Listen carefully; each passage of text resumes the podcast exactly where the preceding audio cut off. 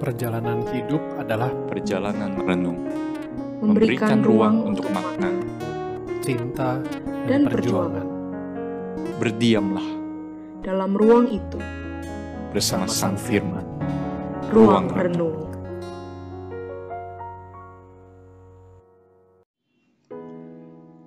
Apa yang ada di benak kita ketika kita berada dekat dengan seseorang yang asing bagi kita? Mungkin dia seorang yang berasal dari latar belakang yang berbeda. Mungkin mulai dari status sosialnya yang berbeda, mungkin dari relasinya yang berbeda dengan kita, lingkaran pertemanan yang berbeda, ataupun dari bahkan dari penampilan. Mungkin bajunya berbeda dari kita, cara hidupnya berbeda dari kita, dan ketika kita menemui orang semacam ini, orang yang sangat berbeda dengan kita di jalan atau di kota-kota lain atau bahkan di kota besar, kita pasti akan memandangnya pertama-tama dengan tatapan yang mencurigakan. Tentu itu adalah sebuah hal yang wajar, sebuah mekanisme pertahanan diri di tengah dunia yang semakin carut marut dan ketika kita melihat orang yang mungkin sangat mencurigakan karena berbeda perilakunya ataupun penampilannya dengan orang-orang kita dan sekitar kita, maka hal yang wajar kita melihatnya pertama-tama dengan tatapan negatif untuk berjaga-jaga mungkin bagi kita. Dan mungkin persis tatapan itulah yang kurang lebih dilakukan oleh orang-orang Yahudi ketika orang-orang non-Yahudi menjadi Kristen.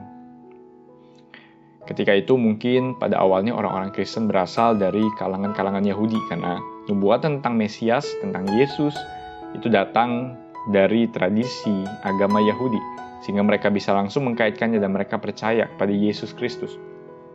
Tetapi lama-kelamaan sejak di kisah para rasul ini, sejak peristiwa Pentakosta, penganiayaan terhadap Stefanus, dan orang-orang Kristen mulai tersebar dan rasul-rasul memberitakan Injil termasuk Paulus dan Barnabas, mulai timbul ketidaksukaan terhadap orang-orang non-Yahudi yang mulai masuk ke dalam gereja. Orang-orang Yahudi menganggap mungkin orang-orang ini sangat berbeda dengan mereka. Mereka tidak memegang hukum Taurat, mereka tidak bersunat dan lain sebagainya.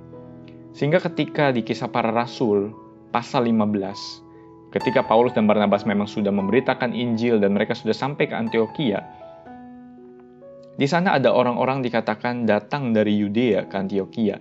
Pasal 15 dikatakan dan mengajarkan kepada saudara-saudara bahwa orang-orang non-Yahudi yang menjadi Kristen yang ada di dalam gereja itu harus disunat menurut adat istiadat yang diwariskan oleh Musa. Kalau tidak, mereka tidak dapat diselamatkan. Tentu hal ini menjadi sebuah polemik dan perdebatan di antara orang-orang Kristen gereja pada saat itu karena ini masalah yang cukup besar dan bisa menimbulkan perpecahan di dalam gereja. Tapi pada waktu itu Paulus dan Barnabas dengan kompak di Antioquia melawan ajaran orang-orang itu yang membebankan kuk bagi orang-orang non-Yahudi yang baru percaya kepada Tuhan. Karena itu mereka pun diutus ke Yerusalem di pasal 15 untuk membicarakan masalah ini terutama dengan para rasul karena pusat penyembahan dan orang-orang Yahudi banyak juga berada di sana dan gereja mula-mula eh, orang-orang penting di gereja mula-mula juga mungkin ada di sana. Dan mereka diutus ke Yerusalem untuk membicarakan masalah ini. Dan di sinilah terjadi sebuah sidang atau mungkin sebuah konferensi dengan para rasul, dengan petinggi-petinggi gereja mula-mula pada saat itu. Ketika Paulus dan Barnabas diutus ke Yerusalem oleh jemaat Antioquia untuk membicarakan masalah ini. Kita lihat bahwa gereja mula-mula pun tidak lepas dari masalah. Gereja yang bagi kita adalah gambaran gereja yang ideal di tengah gereja yang sekarang mungkin membuat kita sangat pesimis dan negatif, gereja mula-mula pun tidak lepas dari masalah dan itu adalah sesuatu yang wajar. Dan proses ini dibutuhkan untuk bergumul bersama sebagai tubuh Kristus. Ketika ada perpecahan mungkin, ketika ada dilema yang terjadi di tengah-tengah gereja, mereka bisa menyelesaikan masalah ini dengan bergumul bersama. Dan ketika sidang itu dikerjakan, sidang itu dimulai, maka hasilnya sudah terlihat cukup jelas. Petrus yang mungkin sudah punya pengalaman dengan Cornelius, Yakobus mendukung, mendukung Paulus dan Barnabas. Mendukung bahwa orang-orang non-Yahudi tidak perlu dikenakan peraturan-peraturan Yahudi yang malah memberatkan dan menghalangi Injil untuk diberitakan. Mereka memberikan kesaksian yang luar biasa bagaimana Roh Kudus turun ke atas orang-orang non-Yahudi yang selama ini dianggap kafir. Dan itu menjadi sebuah petunjuk yang sangat-sangat jelas bahwa gereja Injil itu diberitakan kepada segala bangsa. Dan pada akhirnya mereka hanya memutuskan yang tidak boleh itu hanyalah mereka tidak boleh makan makanan berhala, Orang-orang non-Yahudi tidak boleh ikut percabulan lagi dan mereka tidak boleh makan daging binatang yang dicekik aldo darah karena terasosiasi dengan penyembahan dewa-dewa pagan. Dan Paulus dan Barnabas sesudah sidang yang mungkin berjalan dengan baik itu, dengan kesaksian-kesaksian yang luar biasa dari para rasul dan mereka sendiri, mereka kembali ke Antioquia beserta perwakilan dari gereja Yerusalem. Ada Yudas yang disebut Barsabas dan Silas. Mereka kembali ke Antioquia untuk menyelesaikan tugas dan tanggung jawab mereka yang sudah mereka emban ketika mereka diutus ke Yerusalem. Tetapi ketika mereka memberikan jawab dan mungkin orang-orang di Antioquia sudah tenang dan dikuatkan, Paulus dan Barnabas yang memang sangat-sangat harmonis selama ini dalam memberitakan Injil bahkan kepada jemaat di Antioquia, keharmonisan mereka tidak bertahan dengan lama. Terlepas dari kesuksesan mereka berangkat bersama menyelesaikan masalah tentang sunat dan sidang di Yerusalem, tepat di dalam pasal yang sama, di ayat 35 sampai 41 di perikop terakhir dari pasal 15, Paulus dikatakan berselisih dengan Barnabas. Setelah happy ending itu tidak berjalan atau berlangsung cukup lama, Barnabas ingin membawa Markus yang telah meninggalkan mereka. Markus yang mungkin ikut dengan perjalanan-perjalanan mereka sebelumnya tapi lebih memilih pada akhirnya meninggalkan mereka tidak mau ikut lagi dalam perjalanan misi. Paulus mungkin merasa tidak pantas kita membawa dia lagi karena dia sudah meninggalkan kita, mengkhianati kita dalam tanda kutip. Tapi Barnabas ingin membawa. Dan di sinilah Paulus berselisih paham dengan Barnabas. Pada akhirnya mereka memutuskan untuk pergi dengan jalan mereka sendiri-sendiri. Barnabas tetap membawa Markus, dan Paulus pergi dengan jalannya sendiri. Mereka berpisah, tapi tidak menyurutkan semangat mereka untuk memberitakan Injil Kerajaan Allah. Pada akhirnya yang terutama adalah mereka memberitakan Injil. Tetapi yang menarik di sini adalah seakan-akan sosok Barnabas ini selalu bisa melihat sesuatu dengan cara yang berbeda. Rasanya tatapan Barnabas kepada orang, kalau kita baca di kisah para rasul itu seakan-akan berbeda dengan cara orang lain melihat seseorang itu. Kita tinggal di tengah dunia yang dengan mudah melihat keburukan orang.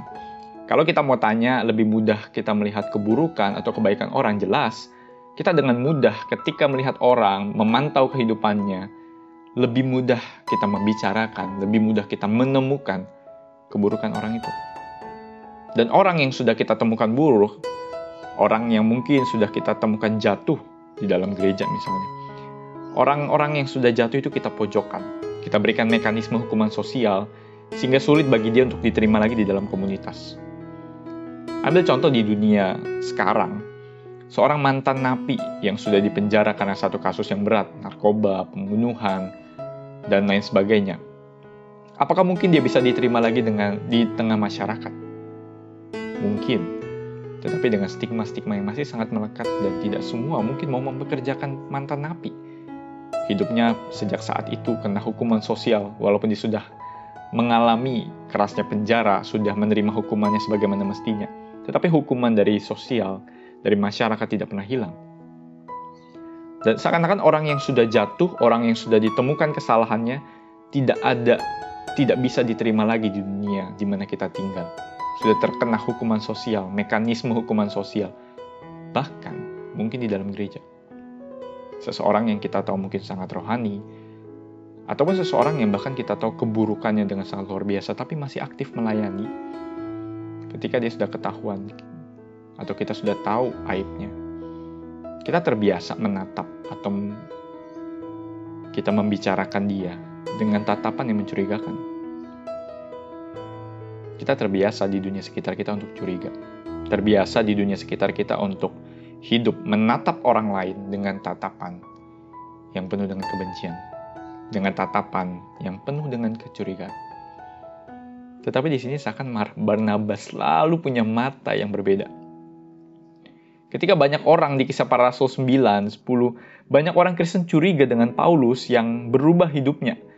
Tentu siapa yang tidak pernah curiga dengan seorang Paulus yang tiba-tiba berubah menjadi orang Kristen. Toh dia menganiaya, dia mengincar orang-orang Kristen dengan sengaja dan menggebu-gebu untuk Tuhan dengan nama Tuhan. Ketika Paulus bertobat, banyak orang Kristen takut dikatakan. Banyak saudara-saudara di situ tidak berani menerima dia apakah ini semacam jebakan. Dan sudah sewajarnya orang-orang Kristen melihat Paulus yang baru bertobat itu dengan tatapan yang mencurigakan. Harus dites dulu orang seperti ini. Tapi lagi-lagi, Barnabas punya mata yang berbeda. Barnabas punya tatapan yang berbeda. Dan hanya Barnabas yang menerima Paulus yang sudah berubah hidupnya. Barnabas dengan begitu mudah percaya. Mungkin bagi kita, orang seperti Barnabas ini orang yang terlalu naif. Ketika Barnabas juga saat ini di dalam kisah Rasul 15 menerima Markus yang sudah meninggalkan mereka, tentu wajar bagi Paulus, reaksi yang wajar bagi Paulus tidak mau lagi menyertakan dia. Tapi Barnabas mau kembali menyertakan Markus. Sama seperti Barnabas melihat Paulus dan Barnabas menerima Paulus. Tatapan yang Barnabas punya, mata yang Barnabas punya untuk melihat orang lain. Bukanlah tatapan kecurigaan dan kebencian. Tatapan dari seorang Barnabas selalu adalah tatapan yang penuh dengan anugerah. A gracious look. Sesuatu yang sangat langka di dunia di mana kita tinggal. Bahkan di tengah-tengah orang Kristen saat ini. Betapa mudahnya kita sebagai orang Kristen merasa kita lebih benar dari orang lain, merasa kita lebih layak, kita lebih pantas setidaknya dari orang-orang tertentu yang kita anggap tidak layak jadi orang Kristen. Sehingga kita melihatnya, kita mengomongkan dia, kita membicarakan dia di hadapan orang, mungkin dengan maksud-maksud tertentu, tetapi seakan-akan kita merasa kita lebih baik dari dia tatapan yang penuh dengan anugerah dan kasih, tatapan yang selalu bisa melihat secercah anugerah Tuhan di dalam kebobrokan orang. Itu adalah sesuatu yang sangat-sangat langka. A gracious look yang Barnabas punya adalah sebuah tatapan yang sangat-sangat langka. Kita tidak pernah bisa melihat gereja atau tubuh Kristus sebagai kumpulan orang benar tanpa pertama-tama melihat gereja sebagai kumpulan orang-orang berdosa.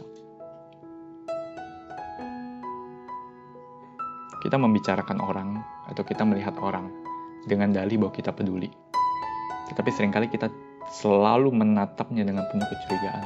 Kita terlalu terbiasa menatap orang dengan kebencian. Dan kita tidak pernah pertama-tama menatap orang dengan mata yang penuh dengan anugerah. Bukankah itu yang diteladankan oleh Kristus?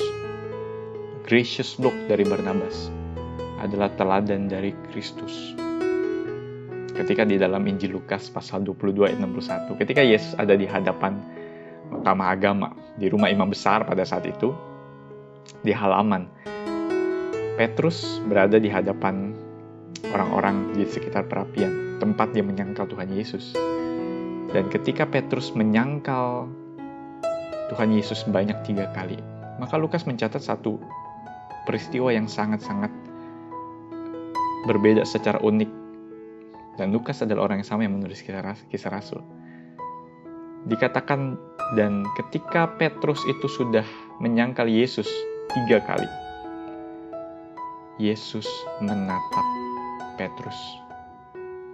Entah tatapan apa yang Yesus berikan bagi Petrus. Mungkin tatapan I told you so, aku sudah kasih tahu ke kamu Petrus, kamu akan menyangkal aku. Tapi saya rasa bukan itu yang ingin Yesus lakukan.